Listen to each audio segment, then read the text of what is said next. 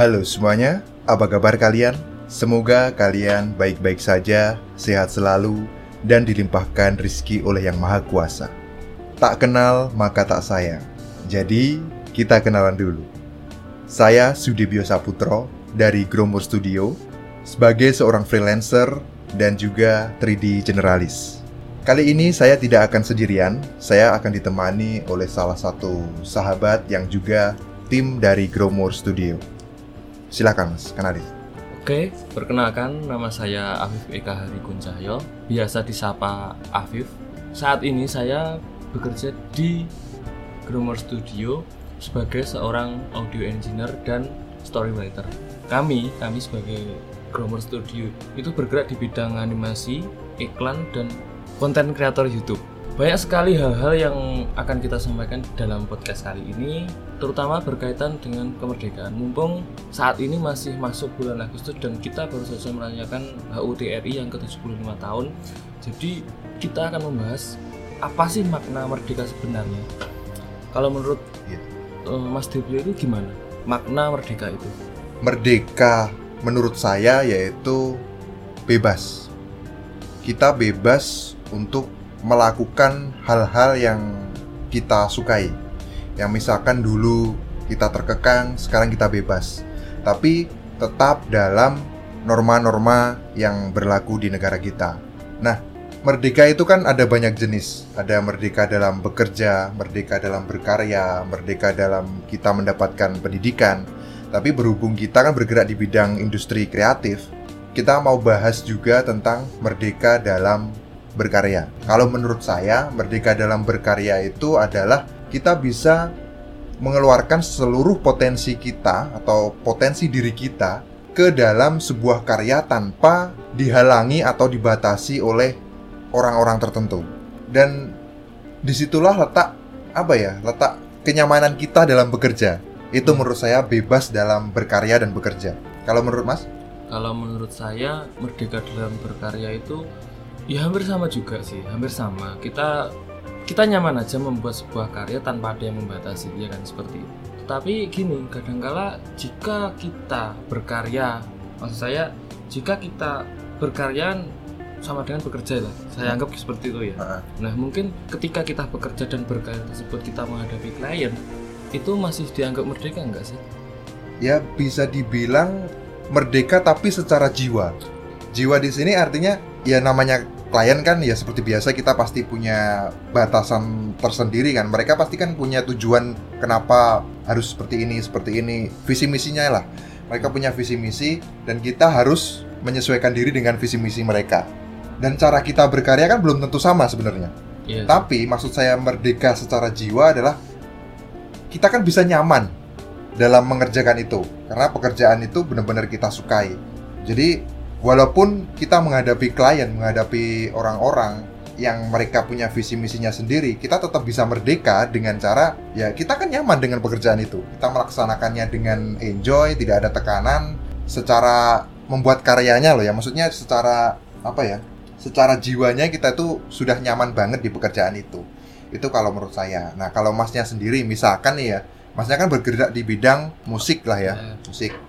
Misalkan bikin lagu tapi itu disuruh orang, terus liriknya tuh harus gini gini gini gini, nggak boleh ada kata-kata ini ini ini ini. Itu kalau Mas merasa merdekakah dengan tekanan yang seperti itu? kalau dikatakan merdeka ya enggak juga. Karena itu mereka membatasi tapi gini kembali lagi. Jika ada orang yang menyuruh saya membuat lagu misalnya ya mas ya kan? Itu kan ada kontraknya ada kesepakatan di situ. Ya Ya. mau tidak mau saya harus ikut kesepakatan tersebut ya sebenarnya kalau untuk saya pribadi ju- juga dikatakan nggak merdeka nah ini kan selain kita ngomongin kemerdekaan dalam berkarya nah ini kan musimnya lagi pandemi nih Ya, kan? ini lagi pandemi. Nah, Kita juga harus di rumah terus kan. ya harus cuma terus nah itu efeknya untuk abang sendiri gimana Efeknya sih ya ya sangat berefek sih secara income loh ya. Pendapatan bener-bener menurun, tapi untuk penyesuaian diri kita harus bekerja di rumah, tidak banyak keluar rumah itu sudah saya rasakan dari awal saya freelance. Dari dulu tuh saya kerjanya di rumah, nggak banyak keluar, tapi secara pendapatan memang sangat berpengaruh. Misalkan contoh dulu uh, Gromor Studio itu kan ngerjain beberapa klien yang memang mereka datangnya dari startup atau perusahaan atau industri lah. Mereka pasti juga mendapatkan imbas dari pandemi ini kan banyak karyawan-karyawan yang di PHK dan sebagainya. Jadi secara otomatis mereka juga meminimalisir pembuatan video-video iklan kayak gitu. Tapi banyak juga beberapa teman-teman yang bergerak di industri kreatif itu juga kebajiran orderan. Misalkan contoh yang sebelumnya klien ini merencanakan untuk syuting secara langsung, itu kan nggak bisa, soalnya nggak boleh ada kerumunan kan. Yeah. Itu mereka mulai beralih ke animasi. Jadi ada sisi ada sisi positifnya lah. Nah kalau secara dari segi musik ini gimana efek pandemi ini? yang paling kelihatan itu mungkin ketika kita off air. Itu kan udah nggak ada kan? Oke okay, ya. Off air di mana pun yang dulu biasanya setiap tahun ada acara off air di entah di sekolah entah di kafe entah di mana pun kan sekarang ketika ada pandemi ini semua hal-hal terkait itu semua udah off semua bang. Nggak ada kayak nggak ada acara kayak kayak gitu sekarang uh, mungkin itu sih kak yang yang dirasakan seniman atau musisi di sekitar kita untuk saat ini. Maksud saya selain kayak band kayak mungkin tari atau dance dance gitu mungkin sekarang juga pada off semua. Bahkan mereka yang tradisional pun juga off juga. Kayak mungkin semacam reok ya, terus uh, wayang juga semacam itu kan juga off semua semenjak adanya pandemi ini. Ya. uh, sebenarnya kalau kita tarik ke belakang lagi semuanya itu kan awalnya kan dari kita berniat bikin karya kan gitu ya. yang pada akhirnya kan jadi pekerjaan ya. nah ngomongin berkarya itu kan sebenarnya bisa kita lakukan di mana pun dan kondisi apa pun, hmm. ya kan? Nah, kalau menurut Mas, apakah bisa kita berkarya di mana pun dengan kondisi apa pun dari segi uh, musisi atau pemain musik? Sebenarnya bisa saja, kan sekarang zaman udah maju, semua bisa kita lakukan serba online dan bahkan serba digital. Ya, kan? ya benar. Kayak mungkin ketika kita masih menggunakan alat konvensional seperti ya mungkin kalau ngeband itu mungkin gitar, keyboard, terus drum sama bass itu kan kita nggak bisa kumpulkan itu yeah. nggak bisa kumpul jadi satu tempat kan yeah. mungkin kita ya udah kita berkarya aja di rumah menggunakan mungkin aplikasi Zoom oh iya ya, kan? benar itu mungkin dalam bentuk konser atau kita bahasanya ngejam lah ngejam yeah. bareng gitu kan. Ngejam bareng secara streaming. Ya secara streaming. Kalau untuk pembuatan musiknya walaupun kita nggak sama-sama maksud saya kita nggak berkumpul jadi satu mungkin kita bisa membuat musik lewat komputer atau laptop. Kan sekarang banyak sekali aplikasi untuk membuat musik. Hmm, tapi iya, itu iya. mungkin genrenya mungkin EDM elektronik dance musik seperti itu sih. Oh benar benar. Ya itu sih kalau ingin berkarya di mana pun dan kondisi apa pun. Eh, caranya seperti itu. Dan mungkin untuk orang-orang yang berkarya seperti itu mungkin perlu penyesuaian baru. Seperti penguasaan teknologinya penguasaan aplikasinya. Ya benar. Itu sih.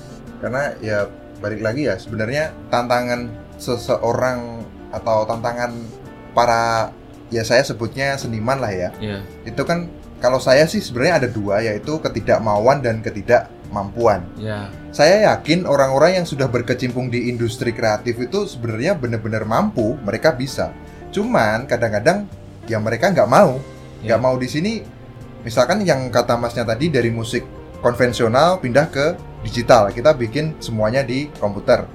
Banyak juga kan orang-orang yang alasan ah aku nggak punya komputer, nggak punya alat. Pada akhirnya mereka nggak bisa menggali potensi yang lain. Iya. Kayak gitu. Termasuk dari Gromur Studio sendiri kan banyak apa ya?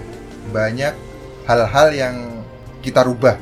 Dari pertama misalkan awalnya memang bergerak di jasa pembuatan iklan, video dan sebagainya, ya mencoba untuk menyesuaikan diri, kita bikin konten, kita bikin apa pun yang kita upload juga di media sosial, misalkan YouTube dan sebagainya. Kita pun juga pernah bikin ini ya, uh, cara pembuatan hand sanitizer dengan bentuk animasi itu juga wujud kita berkarya di tengah pandemi ini dan juga buat mengedukasi orang-orang supaya bisa bikin hand sanitizer sendiri. Karena waktu itu kan hand sanitizer lagi naik iya lagi mahal banget. Ya. dari pandemi yang ada ini berarti kan saya dan juga masnya ini kan ada perjuangannya di, di situ kan? Ya. beralih seperti tadi. Nah kalau masnya itu sisi positif yang diambil dari pandemi ini apa mungkin yang pertama kita banyak waktu luang ya mat. Ya, intinya bener sih, bener. intinya masih banyak waktu luang. Nah karena banyak waktu luang tersebut mungkin saya sendiri saya gunakan untuk belajar. Dalam artian belajar menggunakan mungkin software baru atau alat musik baru seperti itu. Lebih mengekspor ke, ke itunya sih kalau untuk saya sendiri. Positifnya seperti itu. Berarti sekarang semua musik-musik yang Mas buat itu semua sudah digital ya? untuk saat ini ya. Sudah digital. Dan itu belajar dari nol? Belajar dari nol secara secara softwarenya ya. cara softwarenya dan semuanya dalam artian saya pun juga masih mencari-cari mungkin kayak gimana ya. Misal nih lah ada kita membuat lagu instrumen lah instrumen untuk opening atau bensin gitulah kita belajar dulu riset dulu kita lihat-lihat dulu terus kita buat kuncinya kita rubah kuncinya menjadi nada atau suara dan seperti itulah pokoknya. Saya banyak belajarnya di situ ketika masa pandemi ini. Kalau untuk bidang animasi sendiri cara berjuangnya mas gimana maksud saya berjuang agar kan tadi mas bilang klien udah mulai sepi harga animasi Iya, turun benar. dan lain sebagainya itu gimana ya Ada beberapa pilihan sih. Artinya gini, seperti yang saya bilang sebelumnya, kita bisa menggali potensi yang lain. Misalkan saya kan dari dulu memang suka animasi. Mungkin saya bisa menggali potensi yang lain. Misalkan juga main musik dan sebagainya. Tapi memang kan kadang-kadang orang itu cenderung pada satu hal. Kalau bahasa Jawanya kadung, seneng lah ya. ya terlanjur suka dengan bidang itu ya saya masih menggeluti tentang animasi. Grumur Studio juga masih bergerak di bidang animasi tapi dengan segmen yang berbeda. Misalnya saya bilang tadi kita bikin konten di YouTube kita mengedukasi masyarakat terus kita juga jual 3D aset misalkan. Itu kan kita tetap masih berkarya dan itu dilakukan semuanya juga di rumah atau di tempat mana pun misalkan di kalau ini kan sudah new normal nih. Ya, jadi kita bisa jalan lagi ke kafe tapi tentu dengan protokol yang ya. berlaku kan. Bisa di kafe kita ngerjain project dan sebagainya. Itu sebenarnya sudah bisa kita lakukan. Ya intinya itu tadi sih. Yang penting kita mau untuk menggali potensi yang lain. Karena yang namanya kemauan pasti kan ada jalan gitu. nah untuk pesan nih bang bagi teman-teman yang mungkin mendengarkan podcast ini apa? Terutama teman-teman konten kreator dan seniman Eh, mungkin ini mau saya tujukan dulu ke teman-teman yang baru belajar animasi sama teman-teman yang sudah bergerak di bidangnya ya ya Pertama untuk yang baru mau belajar, yang namanya belajar itu kan tidak dibatasi dengan usia, mau kalian muda, tua dan sebagainya itu kita masih boleh untuk belajar. Saya yakin kalian pasti bisa mempelajari hal-hal baru selama memang kalian suka. Kalian suka, kalian nyaman, saya yakin kalian pasti bisa. Terus untuk teman-teman yang sudah jalan atau sudah berkecimpung di bidang industri kreatif, ya mari kita mencoba untuk berinovasi karena inovasi itu kan nggak ada salahnya. ya Inovasi inovasi itu pasti akan bisa menghasilkan sebuah karya yang lebih baik dari yang sebelumnya, walaupun dengan keadaan apa pun. Saya juga yakin warga Indonesia itu bukan warga-warga yang gampang menyerah. Sudah terbukti di nenek moyang kita atau pahlawan-pahlawan kita yang sebelumnya itu mereka juga berjuang untuk melawan penjajah. Nah, ini giliran kita untuk berjuang di tengah pandemi seperti ini agar bisa tetap menghasilkan karya dan tetap bisa bekerja di lingkungan yang kita inginkan. Itu sih untuk pesan saya. Kalau masnya? untuk teman-teman konten kreator atau seniman yang ada di luar sana dan mendengarkan podcast ini, pesan saya adalah tetap semangat, jaga kesehatan, dan satu lagi, nikmati apa yang kalian punya. Benar. Karena orang kreatif itu tidak akan pernah bisa dihalangi oleh apa pun, termasuk kondisi seperti saat ini. Oke teman-teman, itu tadi podcast dari Gromo Studio. Kita akan sambung lain waktu dan sampai jumpa.